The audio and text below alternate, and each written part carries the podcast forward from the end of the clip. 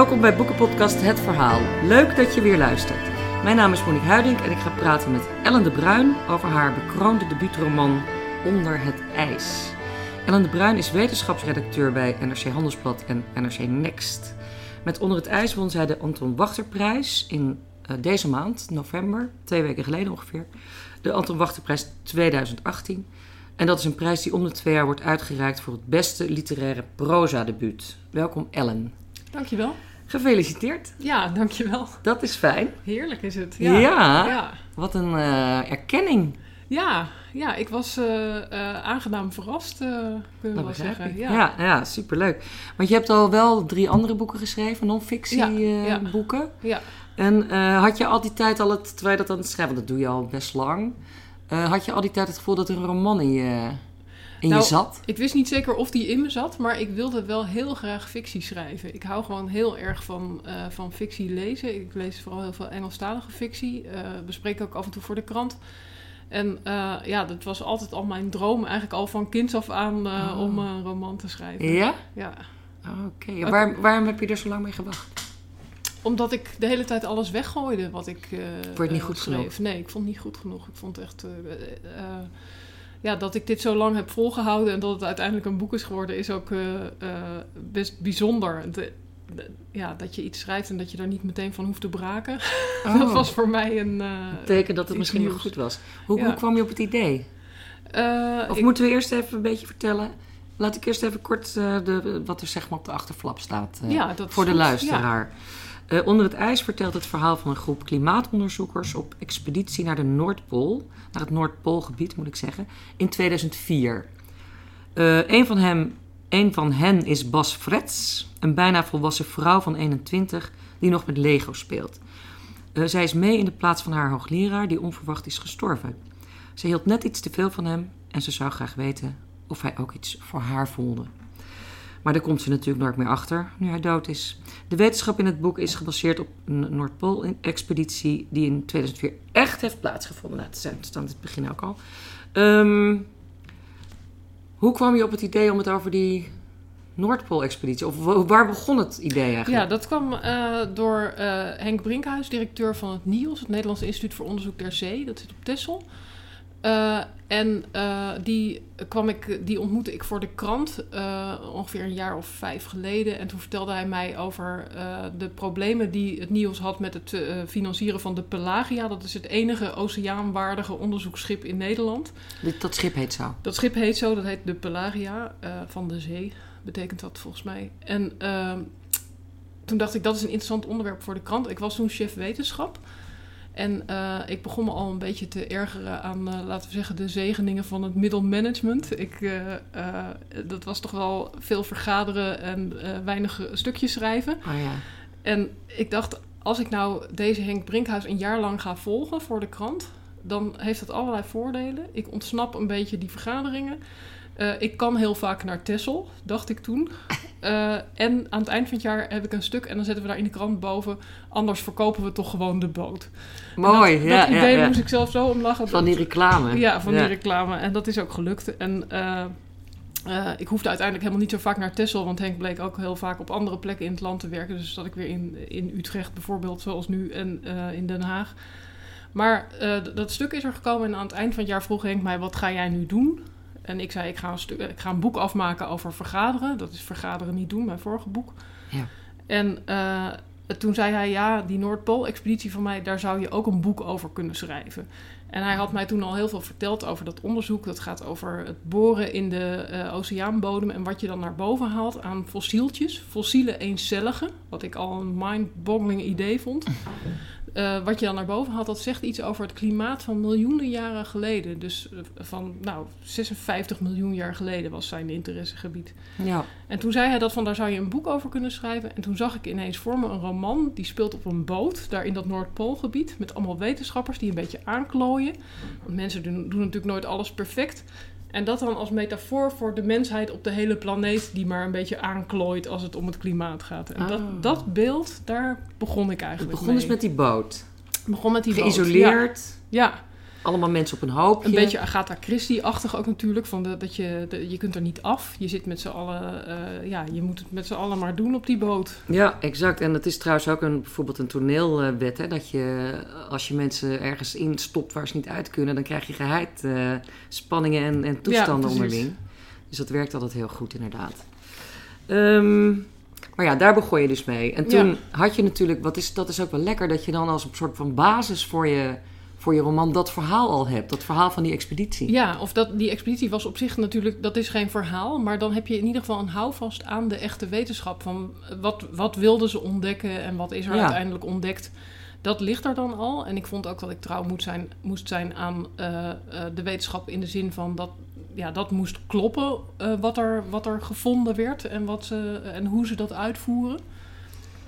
En verder heb ik het kunnen bevolken met eh, mensen die ik zelf heb bedacht. Maar hoe heb je die... Want je hebt, je hebt psychologie gestudeerd volgens Ja, mij, hè? klopt, je bent ja. helemaal geen, eh, geen beta. Nee, nou, geen beta. Ja, ik heb wel eh, op, op de middelbare school had ik alle exacte vakken. En Oh, ik heb een jaar wiskunde gestudeerd daarna. oh, en toch wel een beetje beta. dacht ik, dit is wel heel weinig menselijk wat ik hier tegenkom. En toen ben ik psychologie gaan doen. Ik had geen Oh. idee wat psychologie was toen, want ik was toen nog een echte nerd. Maar Ah, dus je bent juist wel een beta. Uit, ja, van oorsprong ben ik wel echt een je- beta. Ik ben per ongeluk afgedwaald naar de, naar de psychologie. Naar de geesteswetenschap. Ehm, want ik dacht, je, ja, je weet het. Dus het gaat eigenlijk over microbiologie. Ja, ja. En heb je niet enorm moeten researchen ook? eh? Nou ja, ik heb Henk natuurlijk wel heel veel gevraagd over hoe dat dan zit met die, eh, Want ja, hij had echt die fossieltjes. die echte expeditie, in, waar het in het boek over gaat, heeft hij echt meegemaakt. Ja, die heeft hij meegemaakt. wat en dat zijn was wel een daar? ander soort reis. Hij was daar... Wat was hij daar? Hij leider? Of nee, was- hij, was, hij had geen...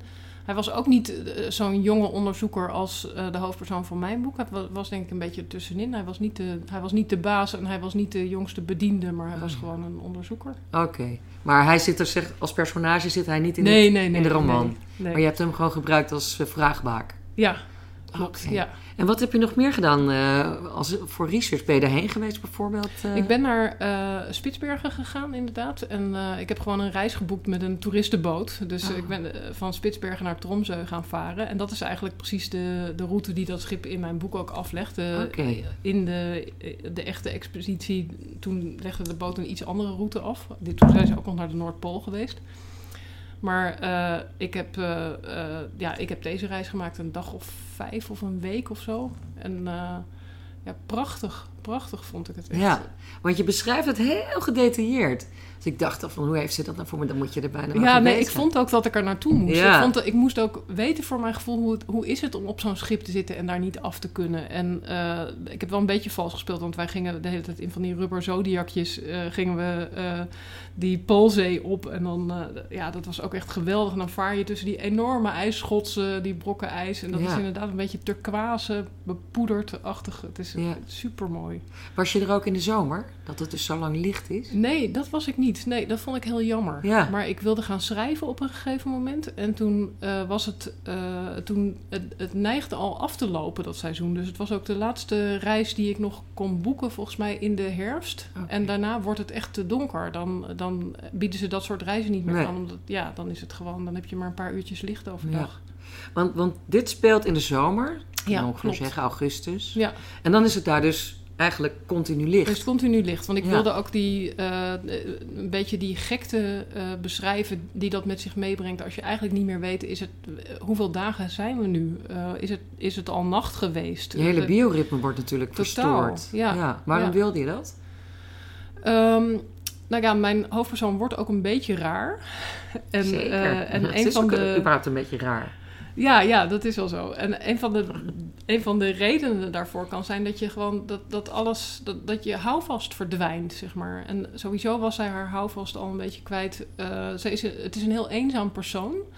En uh, de persoon die het belangrijkste voor haar was in haar leven, was die hoogleraar op wie ze verliefd was. En die is dan weggevallen. En eigenlijk het, het wegvallen van een dag- en nachtritme, het wegvallen van die hoogleraar, alles, alles waar zij zich aan vasthield, is er dan niet meer. Ja, dat want, is... want de hoogleraar waar, waar Bas haar... Waarmee ze eigenlijk Bas? Dat is een, een jongensnaam. Ik vond het... Ja, dat is een jongensnaam. ik vond het een mooie naam. En uh, ja, het, het, ik, ik vond Basje eerst een mooie naam. En toen dacht ik, maar waarom moet dat een verkleinwoordje zijn? Mijn oma heette Chitske, wat ook Ja. een verkleinwoordje is. Die ondertekende haar brieven altijd met Chits. Mijn toen oma dacht heette ik- Jantje. Oh ja? Ja. En ondertekende ze ook met Jan? Nee, dat weet ik niet eigenlijk. Ik dacht gewoon, eh, ja, ze mag ook wel Bas heten. Ja, Ik vond dat wel, eh, maar gewoon leuk. ik vond het wel mooi. Ja, nou even, want eh, ze, heeft, ze is verliefd op haar hoogleraar. Die is ook bio bioloog en ze houden zich bezig met dinoflagellaten. Ja, dinoflagellaten, ja.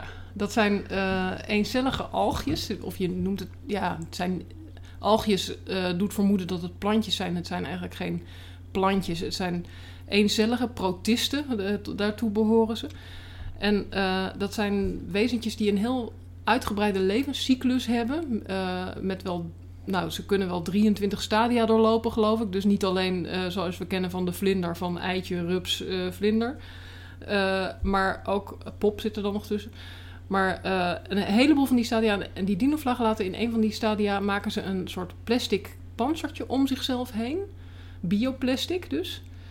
En dan zakken ze naar de zeebodem en dan blijven ze daar even in een soort winterslaapje. En dan als de omstandigheden weer goed zijn, dan gaan ze daaruit. Dan maken ze daar een gaatje in en dan plop gaan ze eruit. Dat is ook En- een soort kokonnetje. Ook een Of kokonnetje een soort inderdaad. van overwinteringsdingetje. Ja, het, is niet, het heeft niet met winter specifiek te maken, maar het is wel even wachten op betere tijden, Ja. zeg maar. Dat is, eh, dat Overlevings... ja, en dat, dat vond ik ook mooi, omdat Bas natuurlijk op die boot gaat. En dat, die boot wordt ook een soort kokon voor haar, dat ze daar eventjes een tijdje kan zitten. En dan daarna is het ook echt... Nou ja, da- dan, dan is die, die rouwperiode door, Ja. zeg maar. Want het begint ook meteen met de dood eigenlijk. De eerste zinnen al meteen eh, even opzoeken. Het begint met nul, vond ik ook wel leuk. Ja. En dan heet het hoofdstuk nul heet nul, niks, helemaal niets. Niemand sterft ooit maar één keer. Twee keer is toch wel het minimum. Zo begint het boek. Ja, Wat bedoel je ermee dat je twee keer sterft? Ehm, nou, als iemand overlijdt, dan schrik je daar ontzettend van. Eh, en dat, dan ben je daar nog niet klaar voor meestal. Dus je, hij, diegene overlijdt. En dan in je, ehm, in je geest is diegene eigenlijk aanweziger dan ooit vanaf dat moment. Ik heb dat zelf met mijn vader meegemaakt, met wie ik niet een eh, heel goede band had. Maar toen hij overleed, leek het ineens wel alsof hij in mijn huis was. Ehm, Ja, en eh, ja, dan duurt het een tijd voordat je eh, daaraan gewend bent, aan, die, aan, die, aan, aan het feit dat iemand dus er niet meer is. En dan Ja. is er eigenlijk vaak nog een soort van tweede afscheidsritueel nodig om te zorgen dat diegene echt verdwijnt. ja. En dat, eigenlijk is dat wat zij doormaakt Eigenlijk in is die dat... hele periode. Het is een periode van zeven weken, Ja, van 49 dagen. ja, En dat is ook bij, in het boeddhisme, beschrijf je in het boek, is dat ook de tijd dat de rouw eigenlijk eh, zou moeten duren, toch? Of heb ik het verkeerd begrepen? ja, nee, dat is ook in, inderdaad in het, in het boeddhisme zo'n periode, die Ja. zeven weken, van de, dat, je, eh, dat je opnieuw zou sterven, zeg Ja. maar. En, eh, nou, dat, En dat, limbo, zeg maar, of dat, die tussenwereld, daar zit zij eigenlijk. Eigenlijk is dat schip waar zij dan op zit, die reis die ze maakt, is die tussenwereld. Ja. Van dat hij er nog is, maar hij is er niet meer. Ja. Hij is Reinier, Ja, haar hoogleraar. Ja. En ehm, eh, wat, zij is heel erg verliefd op hem. ja, En op het moment dat het verhaal begint, is hij net dood. Een week Ja. eerder is hij overleden. ja, Eh, door, iets, eh, door iets stoms, eigenlijk door een stom ongeluk. ja, Of niet per se te zeggen wat het wat er nu is. En moet zij, hij zou die expeditie gaan, gaan doen. Hij zou meegaan op dat Ja. schip. ja, En nu moet zij in zijn plaats mee met die reis, omdat hij dood is. Ze Ja. krijgt ook zijn hut. Wat Ja. best een lekkere grote hut is. ja. Vergeleken bij wat Want die hij andere was mensen. natuurlijk professor en zij, was, zij is maar een klein meisje, maar ze mag dan toch in die hut. Ja, en, ze, en zij is eh, wel gepromoveerd, dacht ik. Of was ze nog, nog bezig? niet, nee. Nog bezig met dus promovende, Ja. promovenda. En, maar ze is wel heel slim en heel goed. Hij ziet heel veel in haar, Ja, toch? Ja. ja, en zij verwart dat misschien wel met liefde.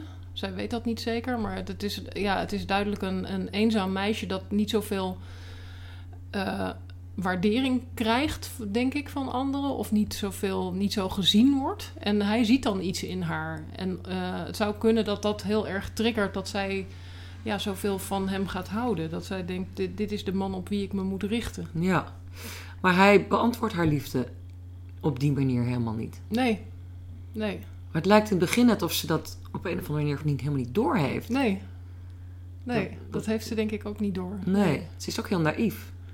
Ja, dat klopt. Ja. Ja. Ja, het is, het is ook in die zin een beetje een coming-of-age roman, Dat ze eh, gedurende het verhaal leert ze wel minder naïef te worden. Er zijn verschillende inzichten die ze in de loop van het verhaal Ja. krijgt, waardoor ze toch eh, wat volwassener wordt. Maar aan het begin is ze zeker heel naïef, ja. Het is een, eh, ja. Had je eigenlijk een, van tevoren een plan? Had je het uit de synopsis, weet je, helemaal uitgewerkt en van zo gaat, ga ik het doen? Ik had een soort van eh, synopsis uitgewerkt. eh, en daar heb ik me vervolgens niet echt aan gehouden. Ehm, ja, het is een heel raar proces, vond ik. eh, eh, Ja, ook omdat je zo kritisch op, je, schrijven. op jezelf dan bent. Ik kan Ja. me voorstellen dat je best veel hebt weggegooid. Ik heb heel veel weggegooid. Bent, Ik heb heel veel weggegooid. Ik heb ook, eh, ten eerste begon ik al met een mannelijke ho- hoofdpersoon. Oh. En toen dacht ik, toen, toen ik merkte dat ik dat niet zo goed kon of zo, dat ik er niet zo goed bij kon. En toen dacht ik, nee, het moet toch een vrouw worden. Het moet toch was een het, jonge was het vrouw wel in een de soortzelfde worden. rol van die jongen? Ik heb dat eigenlijk vrij snel eh, verlaten. Dus het was niet een jongen die eh, verliefd was op, eh, op iemand. Of het was. ik, ik, ik weet eigenlijk, ik kan me niet zo goed meer herinneren, omdat dat dan dat wordt ook in mijn hoofd weer overschreven. Ja. Ehm, maar ik weet dat ik een paar bladzijden heb geschreven met, een, met een jongen als hoofdpersoon. Dat ik het toen weg heb gegooid en dat ik toen dacht, het moet een vrouw worden. En ik heb. Ja, ik ben ook op een gegeven moment allerlei zijpaden ingeslagen. En toen dacht ik, nee, dit moet het ook niet zijn. Ik heb op een gegeven moment ook gedacht, eh, ik ga gewoon alles weggooien. Dit wordt niks meer met dat boek. Oh, En toen, net als al die vorige romans. Precies. en op een bepaald moment bedacht ik wat het einde moet worden. Of eh, ik geloof dat het boek wel drie eindes heeft. Het is, eh, er zijn drie afsluitende eh, hoofdstukken die Ja. allemaal een einde zijn op dingen die in het boek gebeurd zijn. Ik hou zelf ook heel erg van als een boek meer eindes heeft. Dus niet dat Oh. je denkt, ik klap het dicht, klaar. Maar dat je denkt, oh, dit is opgelost. Oh, en dan krijg ik, krijg ik nog meer en krijg ik er nog iets achter. Ja, dat ja, vind ik altijd heel leuk. Geen, geen open lijntjes. Nou, ik vind de open lijntjes ook wel fijn, maar ik vind het ook. eh, eh, ik heb dat denk ik van Kate Atkinson, die ook altijd eh, graag meerdere eindes heeft aan een boek. Dus dan denk je, oh, nou zijn we klaar. Oh, wat, ja, dat, dit was een goed afgerond verhaal. En dan ga je verder, blijkt dat er nog een einde is. Ja, dat, er ja, nog, ja. dat, dat vind ik heel grappig. Ja, nou, dat is ook hier in dit boek ook zo. Ja, de. Dat, Maar je had één einde. Ja, op een gegeven moment wist ik hoe, hoe ik het einde moest vormgeven. En toen dacht ik, dat is, eh, om in managementtermen te spreken, de stip op de horizon. Ah, Maar in ieder geval had ik toen een soort perspectief. Van, eh, ik dacht, daar moet ik dus naartoe schrijven. En toen ging het eigenlijk eh, goed. en welk einde was dat dan? Ja, dat kan ik hier denk ik niet eh, verklappen. Oh, oké. Nee, omdat je veel eindes hebt. Ja. Ja. Nee, maar, dit, maar is wel. Nee. dit is wel een einde waarvan het niet zo leuk is als mensen dat al weten. Oh, Oké, dan gaan we het niet zeggen. eh, Maar je had in ieder geval, voor jou was het belangrijk, voor sommige mensen is het belangrijk om het begin te weten ja, bij het schrijfproces. ja. Maar voor jou is het belangrijk om het eind te weten. Ik ken trouwens ook wel meer schrijvers die het altijd die de laatste zin hebben. ja, En dan maakt niet uit, dan gaan ze eraan beginnen. Ja. En dan zien we wel hoe we bij die laatste zin terechtkomen. Nou ja, dat is heel prettig, want het is een beetje alsof je eh, op je, op je eh, telefoon-app de, het finish-vlaggetje al ziet staan, dat je weet hoe je moet lopen. Je, Ja. En dan zie je nog wel van, ik kan er via die route heen, ik kan dat straatje nemen, maar eh, dus het is nog niet uitgekristalliseerd. Het is ook weer niet zo, ik weet nu precies hoe het moet en waar ik heen moet, maar je weet wel, daar moet ik aan Ja, landen. Ja. En had jij, dus je had haar in eerste instantie nog niet, Bas. Het meisje. Hoe, eh, hoe is zij zo eh, in je hoofd ontstaan, dit personage? Zit je er zelf voor een deel in? Ik ben bang dat ik er wel zelf voor een deel in zit, want dat hebben mensen tegen mij gezegd. Oh, oké. Eh, dus ja, een van de vrienden die Toen jij zelf 21 was. Nee, hoe ik nu ben misschien wel zelfs. Oh, de, een van de vrienden die het als eerste las, zei... wat leuk dat ik je een paar weken te logeren had. Oh, dus, dat, dat- ehm, ja, dus ik denk dat ik er voor een deel op lijk. Ehm, heb je ook zo'n maar- wanhopige verliefdheid gehad op een onbereikbare figuur? Ja, dat heb ik volgens mij wel een paar keer gehad. Ja, ja. Want dat is heel erg, Ja, dat is ja, heel erg goed uitgewerkt. ik dacht, dat heeft zij gewoon zelf ja nee, meegemaakt. dat heb ik wel meegemaakt. Maar niet, niet, op, niet op deze manier. Maar het is. Nou, het grappige is eh, met fictie schrijven dat je wel allerlei dingen van jezelf kwijt kunt, maar die komen dan op andere plekken. Waardoor je toch niet kunt zeggen. eh, dat of dat is autobiografisch. Het gaat meer om dat je eh, je eigen eh, gevoelens over bepaalde situaties gebruikt en die kunt beschrijven. Ja, Dat- nee, dat tuurlijk. je, ja. Maar er zit heel vaak, er komt gewoon altijd van alles van de schrijver zelf in. ja, ja. Of van iemand die die heel goed kent. Weet Ja. je wel, die dan, Ja. die, als je zo iemand hebt meegemaakt met zo'n wanhopige verliefdheid die nergens op uitdraait. Ja, En of die iemand die heel erg in de rouw zit, nou ja, die vertelde je dan, dat kon je halen uit je, de, je eigen rouw met je vader. ja, voor een deel. Ja. En ook hoe, wel met eh, andere mensen. maar heb jij bijvoorbeeld, want ze houdt ook van Lego, dat vond ik ook zo'n merkwaardig detail. Ja, dat jij- heb ik ook. zelf Ja, dat is, dat is wel echt een... eh, ja, ik heb op een gegeven moment... eh, kreeg ik de hele tijd griep. Echt, dan had ik een, een jaar dat ik... Nou, ik kreeg geloof ik wel drie verschillende versies langs. Of, eh, en dan heb je ook nog de verkoudheden en alles wat daarmee samenhangt. En toen ging mijn man mij eh, elke keer een doos Lego geven als ik, eh, als ik thuis zat met griep. Want het kenmerk is dan... Je, je kan eigenlijk niks doen. Je voelt je volkomen onnuttig en waardeloos. En alles waar je aan begint lukt toch niet. Dus je, je kan gewoon niet zoveel. En het enige wat ik wel kon was Lego dingen in elkaar zetten. Dus dan kwam hij thuis met een doos Lego voor mij. Ah, daar komt het van. Ja, Dus dat heb je nog niet zo heel lang, eh, die obsessie met Lego. Nee, dat het, of ja, obsessie, dat is een groot ding. Maar dat ik wel erg van Lego eh, hou, dat, dat is inderdaad, eh, denk ik, sindsdien. Ja, Ja, oké. Ja, jaar of eh, zeven of zo. Ah, oké. Maar de, Ja. dus daar was het ook grappig om dat, om dat er gewoon in te stoppen. Denk ik dan. Ja, nee, en ik, ik had toen zelf ook een, zo, die, die, van die Lego poppetjes. Ik had daar ook een sleutelhanger mee. Dat, Ik zag ook dat, eh, je, dat je oorbellen had met een Lego blokje. ja, die heb je nu niet in. nee. Maar dat zag ik bij een eh, filmpje van interview eh, met ja, iemand anders. dat klopt, ja. Ik dacht, wat gek dat die interviewer daar niet naar vraagt. Want het is toch heel duidelijk een Lego blokje. Dat was wel een signaal. Ja, Ja. Nee, ik heb ze nu niet... eh, Ehm, nou, die, die, die, over- die overleden hoogleraar en tevens de man waar ze op, totaal obsessief verliefd op is en ook helaas dood. Die ziet dus voor haar een glansrijke carrière voor zich. Hij wil haar zelfs meenemen naar, naar California en weet ik wat allemaal. Hij vindt haar echt heel goed. Hij heeft vol zijn vertrouwen. Maar als ze daar eenmaal aan boord is, dan is ze een soort, wordt ze meteen eh, weggepromoveerd. Ik bedoel, eh, afgeserveerd. Mag ze alleen maar laboratoriumassistent worden. Terwijl ze gewoon volwaardig onderzoeker eigenlijk, nou volwaardig, maar Ja. zo ongeveer wel, is. Maar de Waarom- mensen kennen haar daar natuurlijk niet. Niemand kent haar daar. En eh, ja, ze is dan gewoon een junior die, eh, die daar binnenkomt. En dan die eh, mensen die de boel leiden, die denken... hoe gaan we die zo, zo goed mogelijk inzetten? Hoe gaan we deze menskracht zo goed mogelijk gebruiken? Oh, daar hebben we nog een gaatje. Dan ga dat maar doen. Ja, En ze denken ook dat, dat het specialisme dat zij heeft... op die missie helemaal niet van belang is. want ze zouden eigenlijk niet diep genoeg kunnen boren voor die dinootjes, hè? Voor Dat haar dinootjes, inderdaad. ja. Ja. Dus de, de- Ze noemt het dinootjes, maar ze heten Ja. dus dinoflagellaten. Ja, dat is wel grappig. Die onderzoekers die, eh, eh, die ik daarover heb gesproken, die zijn allemaal heel dol op de dinootjes. En Ah. die, noemen, eh, die noemen het dus ook de dinootjes. En er zijn allerlei soorten van die microfossielen. Je hebt ook foraminiferen, je hebt, je hebt echt van alles. Die maken dan kalkskeletjes en dan heb je ook nog silica fossielen die maken glasachtige skeletjes. Maar de dinootjes die maken dus bioplastic. En eh, ja, die noemen ze dus de dinootjes. Maar die zitten dan toch op een hele grote diepte of zo, waarvoor ze, waarvan ze dachten dat ze niet zo diep zouden kunnen boren. Ja, haar soort, niet. die, die soort die voor haar belangrijk is, die zitten op die grote diepte. Maar Ja. je hebt ze door de hele eh, kolom heen, zeg maar. Dus Ja, je hebt ze op alle mogelijke dieptes, maar daar heb je dan weer andere soorten. Ze, zitten, ze zitten op een soort van ja, vaste volgorde die ook wel een beetje bekend is. En je kunt dan ook aan de soort afleiden eh, wat dan het klimaat in die tijd geweest Ja, want dat zijn. is de crux. Die hele missie is bedoeld als een soort van hè, voor om de klimaatsverandering een beetje te kijken van hoe is het nou miljoenen jaar geleden, hoe was Ja. het toen op de Noordpool Ja, of in hoe dit ging gebied. dat toen? Ja, ja. En dat kun je dus door zo'n boring, kun je als je die hele, die hele staaf uit die grond haalt, uit, die, uit het ondergebergte van dat onder de oceaan ligt, ja. dan kun je ongeveer zeggen van als het op deze hoogte zit, dan was het op dat moment hartstikke lekker weer. Ja, want dat is, dat is inderdaad ontzettend interessant. Dat je dus van die eh, ontzettend eh, eh, kleine dingetjes... je kan ze met het blote oog niet zien. Je kan ze onder de microscoop zien. Dan zijn ze trouwens heel erg mooi. Het is echt een soort andere wereld die je dan ziet. Maar daar kun je dus, omdat die, die beestjes zo kieskeurig waren... eh, en zijn, want er leven nu ook nog heel veel soorten... kan je dus, dus zien wat de omstandigheden geweest moeten zijn. Ja.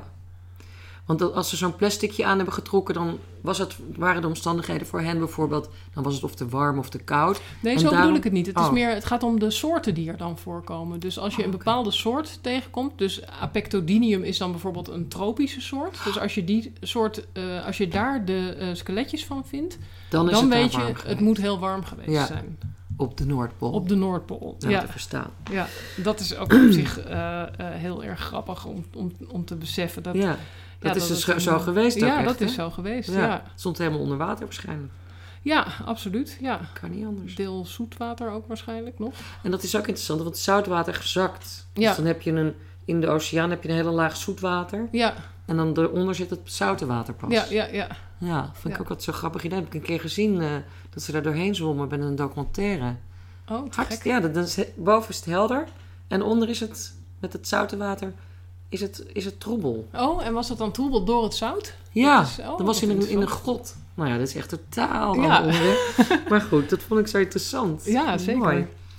Ehm, dan zegt ze op een gegeven moment, eh, want ze heeft eigenlijk niet zo gek veel te doen, want ze moet, eh, ja, het gaat om die boring. Ja, En eh, ja, ze mag ook helemaal niet meedoen meer, want ze moet in het laboratorium, ze mag niet eens de eigen, naar de eigen dinootje zoeken. nee. Daar komt het op neer. Ja, Dan zegt ze, wetenschap is wachten. ja, ja, ja. Is dat ook iets waarvan jij zegt, eh, dat, dat moet- wilde ik per se uitwerken, dat fenomeen? Dat, Nou, dat het is te ook wachten? wel, ja. Nu je het zegt, is dat wel heel erg mijn ervaring.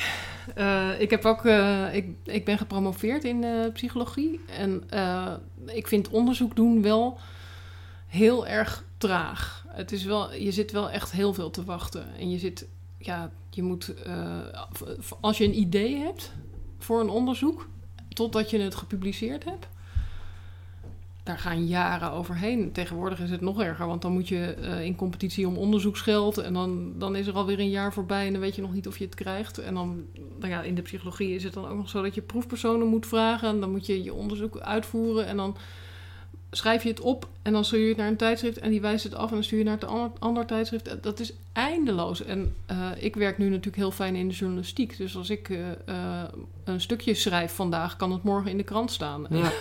Dus voor mij is wetenschap echt wachten, ja. Vind je dat, want je hebt daar ook eigenlijk wel, denk ik, een beetje kritiek op, toch? Willen, of daarop willen uiten in dit boek voor een deel. Dat het zo, het, want dat is, hè, dat is dan wel wachten, maar wat, wat bijvoorbeeld ook in het boek, vind ik in ieder geval goed naar boven komt, is dat er ook, hè, je moet in een team, ze zitten met z'n allen, hebben ze hun Ja. eigen specialisatie. Dat is ook zo, Ja. zo interessant. Eigenlijk weten ze met z'n allen, eh, in, in losse individuen, alles over het onderwerp. Alleen per individu alleen maar specifiek over dat ene dingetje. Ja, ja Het dat ene is precieze dingetje. zo. Ja, iedereen Dus heeft zijn eigen... dus ze moeten eigenlijk samenwerken. Ja, Maar dat gaat helemaal niet zo vanzelfsprekend. nee, het zijn net mensen. Dus, ja, eh, ja, nee, maar dat, dat vind ik ook natuurlijk heel interessant. Dat je, Ja. ik bedoel, die mensen op een schip, dat je ze samen op een schip zet en dat het dan helemaal niet zo goed eh, gaat eh, qua coördinatie. Ja. Dat vind ik, dat is, dat, dan vind ik het grappig worden. want, het, want je hebt dan in het begin al meteen eh, beginnen ze, weet je wel, het, het begint er al mee dat ze elkaar allemaal bijnamen geven. Ja, ja, nou, er is één jongen die iedereen bijnamen Ja. geeft. En dan is er een andere jongen die wil heel graag een bijnaam en die krijgt hem niet. Want dat, dat eh, vindt die ene jongen dan niet leuk genoeg. Ja, en er is een, een groepje mensen die praten alleen maar in filmcitaten. Ja, dat zijn de Texanen, de Amerikanen. Texanen, ja. Het, het zijn allemaal wel een beetje excentriekelingen natuurlijk. maar Dat hoe heb ook- je die mensen zo kunnen bedenken? Of heb je bijvoorbeeld zelf ook wel eens met zo'n wetenschap... Want het zijn echt wel allemaal... Is een beetje van die typische wetenschapshumor volgens mij. Ja. Wetenschappershumor. Ja, ja, ja, nou, ik ken natuurlijk veel wetenschappers. Ja. Ik praat veel met wetenschappers. Ik zit zelf op een wetenschapsredactie waar ook heel veel eh, nerdy eh, humor is. Ja, het is een En, eh, beetje nerdy humor, ja. Ja, dus dat. de, ik heb niet wat dat betreft iets uit de werkelijkheid genomen, maar het lijkt wel heel erg. Ik, ik beschrijf wel heel erg de sfeer die, die daar hangt. Ja. Ja. Maar heb je Ja. dat dan van congressen of zo eh, een keer... dat je... Nee, maar ook gewoon ja, bij ons op de wetenschapsredactie Oh, hangt ook wel die sfeer. Dan Ja, is het ook wel van eh, eh, eh, we schieten iets naar de zon, gaat de zon dan niet uit en dan moeten we allemaal heel hard lachen. Allemaal die hele flauwe, flauwe grappen. Het is eh, ja, Ja. dat vinden wij dan heel erg leuk. ja, enorme lol onder elkaar. Ja, dat is ja. Maar wat je bijvoorbeeld, eh, wat je dat zei in het begin ook al. Dus je hebt dan, ze zijn eigenlijk moeten ze een eh, onderdeel, zijn ze een onderdeel van een groter geheel. Wat in de wetenschap in het algemeen natuurlijk totaal in- voor, voor de wetenschap geldt. Iedereen, Ja, elk, ja. elk brokje wetenschap, van, nou, of het nou beta of alpha of gamma of whatever is. Iedereen probeert toch die werkelijkheid op de een of andere manier te duiden. Ja, En het liefst nog te voorspellen. Dat zou nog op marge zijn. Maar ondertussen zit iedereen ook maar wat aan te rommelen. Maar er is heel veel competitie ook hè, En in, de, ontzettend veel in de competitie. wetenschap. Want dat is ook Ja. iets eh, sowieso in de samenleving. En misschien eh, op dit moment wel erger dan ooit. Dat weet ik eigenlijk niet. Maar eh dat is in ieder geval iets waar ik me altijd aan erger. Dat er zo ontzettend veel competitie is. En dat er ook een soort van beloning op competitie wordt gezet. Van haal een individueel onderzoeksbudget binnen. Win een Nobelprijs. Het is allemaal eh, een soort van... Waar erger je De- dan precies aan? Ja, dat er een, een winnaarscultuur is, zeg maar. De- En dat de mensen die eenmaal eh, zo'n onderzoeksbudget hebben gekregen, dat die dan ook, eh, omdat ze dat hebben gekregen, sneller in aanmerking komen voor het volgende. Dus het is dan niet zo van, oh, die heeft al gehad, we geven nu eens een ander iets, zodat dat ook onderzocht kan worden, dat andere. Nee, het is zo Dus van, het die heeft iets ook gehad. uit. Ja, die heeft iets gehad, eh, die is dus kennelijk goed, dus die krijgt nog een keer geld. Ja.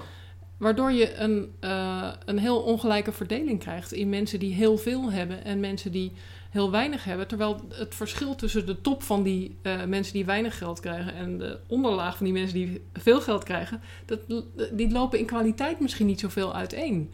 Maar de middelen die ze hebben lopen wel heel erg uiteen. En dat is iets, ja, dat zie je nu trouwens ook, dat zie je op de hele wereld. De, de, de rijken hebben gewoon heel veel geld. En die, die hebben samen, ik weet dat soort aantallen nooit, maar die hebben zoveel meer geld dan de armen op de wereld. Eh, Daar vergelijk Ja, je het is- mee.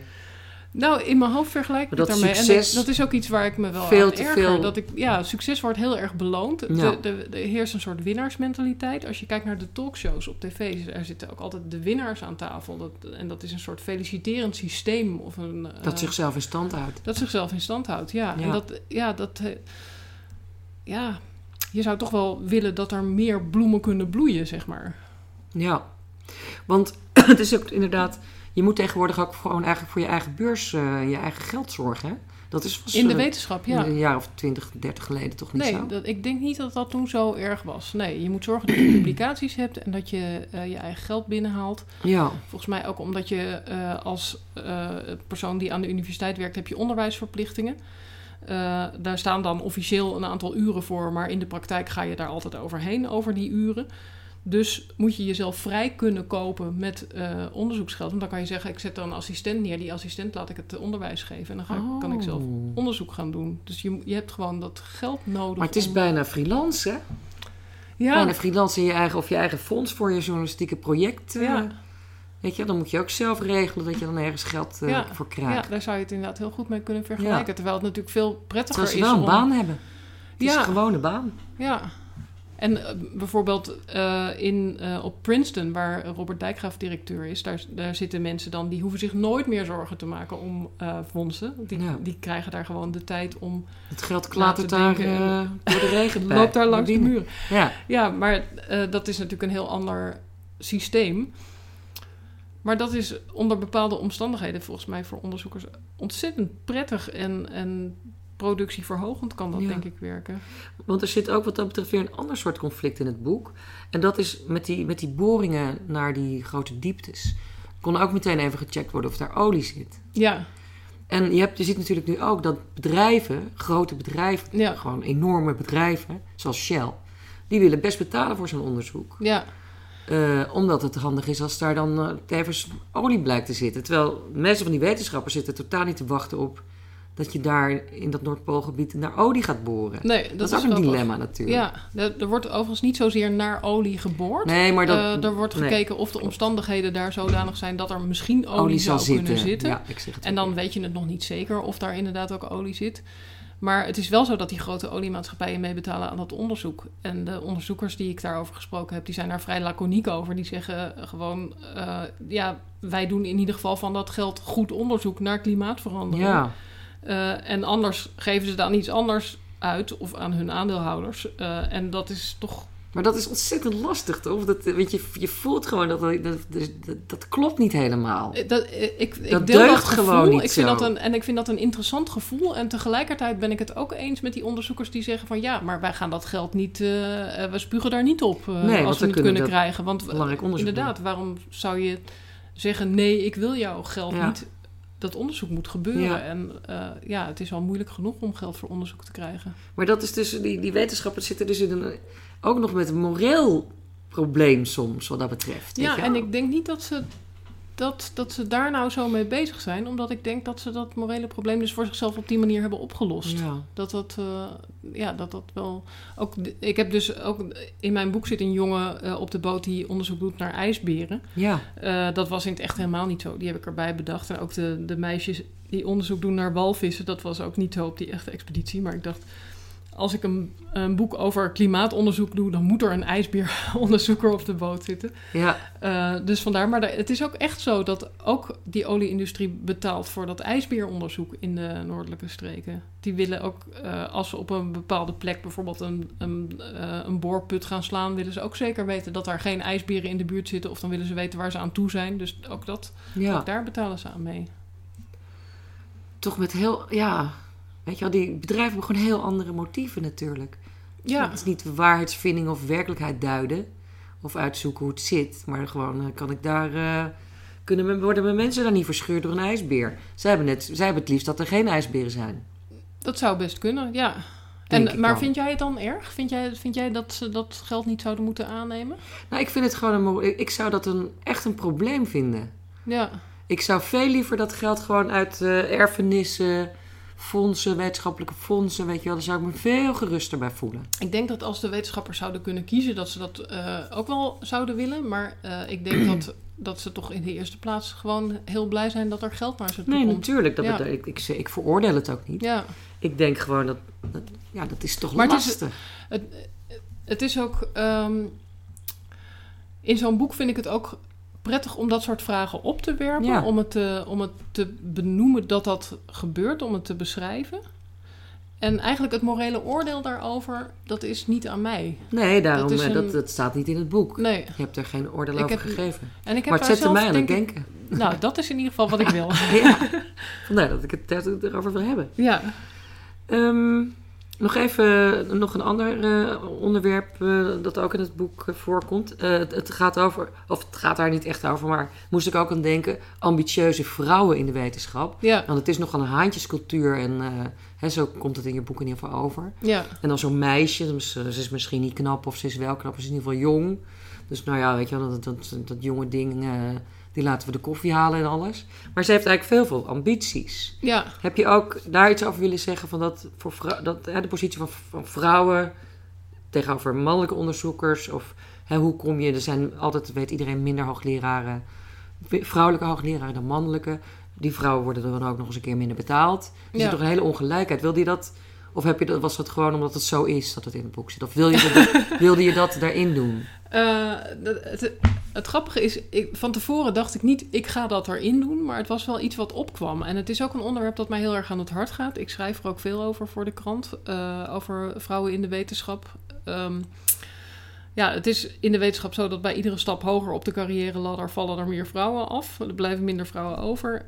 En ja, er bestaan allerlei vooroordelen over vrouwen. Dat, eh, kijk, het stereotype beeld van de wetenschapper is gewoon een man in een witte jas. Als je in een stripverhaal een wetenschapper tegenkomt, dan is dat een man in een witte jas met een bril en vaak ook met een baardje.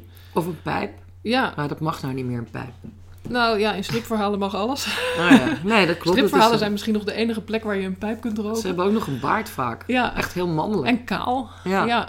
ja. echt heel mannelijk. Punt- punthoofd. Nou ja, vrouwen Ja. hebben geen baard. nee, precies, ja. Maar bij echt... Je hebt ook ja. mannen zonder baard, hè? die scheren zich. Ja, dat Maar- zie je maar- niet zoveel meer tegenwoordig. maar Nee, dat is een beetje uit. Ja, nee, maar dat is, dat is de wetenschapper. En dan als er dan een vrouw komt, dan mensen hebben eh, daar onbewust toch ideeën over van dat kan niet een echte wetenschapper zijn. Je kan ook eens in eh, Google Images, eh, ik weet niet hoe erg het nu nog is, maar twee jaar terug heb ik dat wel gedaan, dat je dan wetenschapper googelt of scientist. En dan krijg je dus, ja, daar staan geen Vrouwen dat zijn gewoon allemaal mannen. Ja, Of Ja. professor bijvoorbeeld. Ja. Professor is ook een leuk om te. nee, maar goed, het is, ook, het is ook zo. Dus maar, ik, maar je hebt het dus wel bewust, wilde je dat Ja, doen. toen ik merkte dat dat opkwam, want dat is, eh, als je zo'n boek schrijft, er komt, er komt heel veel op. Het is niet, eh, als ik een artikel schrijf, dan weet ik precies, dit is de feitelijke informatie die ik erin wil hebben. En met een roman gaat het veel meer, word je veel meer gestuurd door wat eh, wat je hoofd maar aanlevert, zeg maar. Ja. Dat vond ik ook een heel interessant proces. Van, nou, Leuk we is gaan dat, maar eens hè? kijken wat er nu naar boven komt. Ja. En dan, Heb je ook eh, dat je erover ging dromen? Ja, heel veel. Ja. Ik heb heel veel daarover Had ik gedroomd. zelf ook, ja. Ja? ja. Dat is, dat is zo'n bijzonder proces. Nou, dat er is ook ontstaat een heel autonoom soort kathedraal ben je aan het bouwen. Met Ja. allemaal kamertjes. En er zit er nog een kamertje of een kasteel, weet je wel. En het is Dat ook een wereld waar je eh, tijdens het schrijven mag jij, ben jij de enige die, die in die wereld is. Ja. De mensen om je heen die weten allemaal niet van het bestaan daarvan. En je bent dat wel. En het, ik, het voelde voor mij ook alsof ik een heel grote ballon aan het opblazen was. En dan. Eh, en zeker op, op de rand van slapen en waken, dus 's avonds en 's ochtends, was ik heel erg in die wereld. was heel erg fijn. was mijn eigen wereld. En toen ik het boek af had, had ik wel even van: oké, knoop in de ballon. Oh, daar drijft hij weg. Daar werd ik wel ik heb wel echt eh, somberheid gehad. Ja. Ik was wel echt droevig. krijg je Ja. dat je echt eh, een beetje in de rouw moet eventjes. Oh, dat was echt, eh, ja. Oh, nou, is het, nou is het af. Nou is het af. Ja, Ja, dat vond ik wel erg. erg. Gek, Ja, hè? zo- het is een fantastisch proces. Het is ook heel intiem en, en het lijkt ook net of je, of je allerlei ideeën van buitenaf... Ja. Weet je, Nou, je gaat dat ook heel grappig. anders kijken naar dingen. Je gaat op andere dingen letten. Ja, want er zijn dus eh, schrijvers zoals Renate Dorrestein zei dat altijd, van personages dienen zich bij mij aan. En dan dacht ik altijd, ja, ja. Bla bla. Eh, ja. Maar eh, je merkt inderdaad, ideeën dienen zich in ieder geval bij je aan. Of die komen bij je op. En, dan, en daar kan je iets mee. En je kan, je kan natuurlijk sturen en je kan daar een beetje in vorm geven. Maar tot, op- maar tot op zekere hoogte is het wel echt zo van, dit komt bij me op. En op het moment dat ik dacht van, ja, dat, dat van dat van dat vrouwen zit er een beetje in, dan ik heb het niet weggehaald, zeg Ja. maar. Dus ik dacht wel, dat is wel interessant om nog verder ja, te bekijken. ja, ja. Nee, leuk. Het is een fantastisch proces. Ja, En eh, Ik vond het ook heerlijk om, eh, om te doen. En ik dacht ook, ik wil meteen nog een boek schrijven. Maar dan merk je toch weer dat je eigenlijk meteen in die rommelige eerste fase komt. Waarbij je ideeën veel verhevener zijn dan wat er uiteindelijk op je, op Ja. je tekst komt. Dus ik ben nu nog, ik moet nu nu vechten tegen mijn eigen zelfkritiek, zeg oh, maar. ja, ja. Dat was mijn laatste vraag eigenlijk. Maar, maar we hebben nog even de tijd. Mijn laatste vraag zou zijn...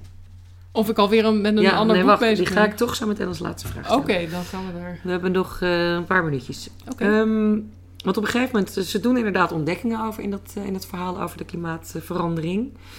Maar dan laat je op het eind, laat je een van de leiders van die missie, die, die man heet Clutterbuck, geloof ik. Clutterbug, ja. Clutterbuck. ja. Die laat je zeggen, Dat is trouwens een naam die echt bestaat. Dat is een, eh, het, het, is, Oh, oké. ja, het is een bestaande achternaam. oh, oh zo, ja, ja. Maar ik vind het toch mooi. Ja, mooi. En dan laat je hem zeggen, ze gaan er heus niks mee doen hoor. Aan het klimaat. Mensen zijn alleen maar met zichzelf bezig. Neem dat maar van mij aan. Ja, Dat is ook even schrikken. ja, Wat een cynisme. ja, ja. Denk je dat zelf ook? Nou, ik, soms denk ik dat wel, ja. Ja, en dat is, dat is natuurlijk ook het leuke van een roman. Je hebt verschillende personages die verschillende dingen denken. Dus je hebt eh, eh, eh, Werner, die, de ijsbeerjongen, die eigenlijk heel erg activistisch is. En dol, dol enthousiast. en heel, ja. heel Die gaat enthousiast. ervoor. eh, ja, precies. En je hebt Clutterbuck, die echt een heel erg cynische wetenschapper is. Die zelfs niet eens van zijn eigen onderzoeksgebied houdt. En eh, ja, die zegt dat dan. En het, is ook, het zijn ook verschillende stemmetjes die ik zelf wel eens in mijn hoofd heb. En af en toe denk ik inderdaad, ja, ze gaan daar dus niks aan doen aan het klimaat. Het is Nee. gewoon, eh, mensen zijn gewoon kortzichtig. Eh, iedereen is heel erg gericht op de korte termijn. En ja, als het om klimaatverandering gaat, is dat natuurlijk de lange termijn. Dat zijn, daar gaan onze kleinkinderen last van krijgen, denk je dan. Ja. En we merken het wel. Na onze zondvloed. Letterlijk. Eigenlijk ja. wel, hè? Ja. Ja. Oké, nou, de laatste vraag. Het komt er nog een volgende roman. Maar daar ben je Wat dus een lang mee, be- verrassing. daar ben je dus lang mee bezig. nou, ik ben wel eh, aan het schrijven, ja. Maar het is... eh, eh, Maar heb je, heb je weer zo'n soort constructie dat je, af, dat je eigenlijk al een, een, een casus hebt, zeg maar? Een nee, fijne... nee ik, heb een, ik heb wel een idee dat ik een paar jaar, waar ik al een paar jaar mee rondloop. wa- Waarvan ik dacht, dit is een interessant gegeven over twee mensen, hoe, zich, hoe die zich tot elkaar verhouden. Eh, daar, dat wil ik wel eens tot een verhaal uitwerken. En dat heb ik eigenlijk eh, bewaard al die tijd. En dat ben ik nu aan het oppikken en ontwikkelen. En dat is voor mij ook heel spannend, omdat ik bij dit boek dus heel erg de houvast had uh, aan de wetenschap. En bij het nieuwe boek denk ik, ja, nee, ik ga dit toch allemaal gewoon uit mezelf halen en uit mijn eigen uh, okay. onderbewuste. Dus ja. dat is wel heel oh, dat is spannend. wel anders. Heel anders is Super dat, ja. spannend. Ja, want bij wetenschap dan, dat, je, je kan je fictie daar eigenlijk op hechten, zeg maar. Je hebt een soort ondergrondje. En nu heb ik het idee alsof ik echt ook geen ondergrondje meer heb. Nee, Dus- begrijp ik. Ja. Daarom begrijp ik ook wel dat je denkt dat het eng is. Dat is dan Ja, an- weer een ja. heel andere manier van werken ook. Ja, en je denkt ook, ik heb nu een roman geschreven, ik moet toch weten hoe het moet. Maar nee, eh, dat is. elke eh, keer anders. Ja, zo werkt dat niet inderdaad. Hoewel je hebt ook schrijvers die zeggen dat ze elke keer hetzelfde boek schrijven. Ja, en Patchett schrijft, zegt dat. Of die zegt, eh, ik vertel elke keer hetzelfde verhaal. Ja? En hoe heet die? Jan Siebelink zegt dat ook. Oké.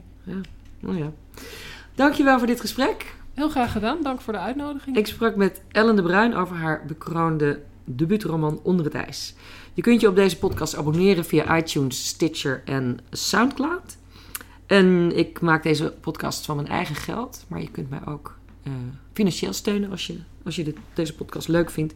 En dat kan door een eh, donatie via de website podcasthetverhaal.nl.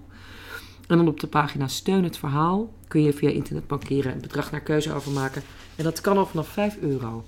Alvast hartelijk dank en tot de volgende keer.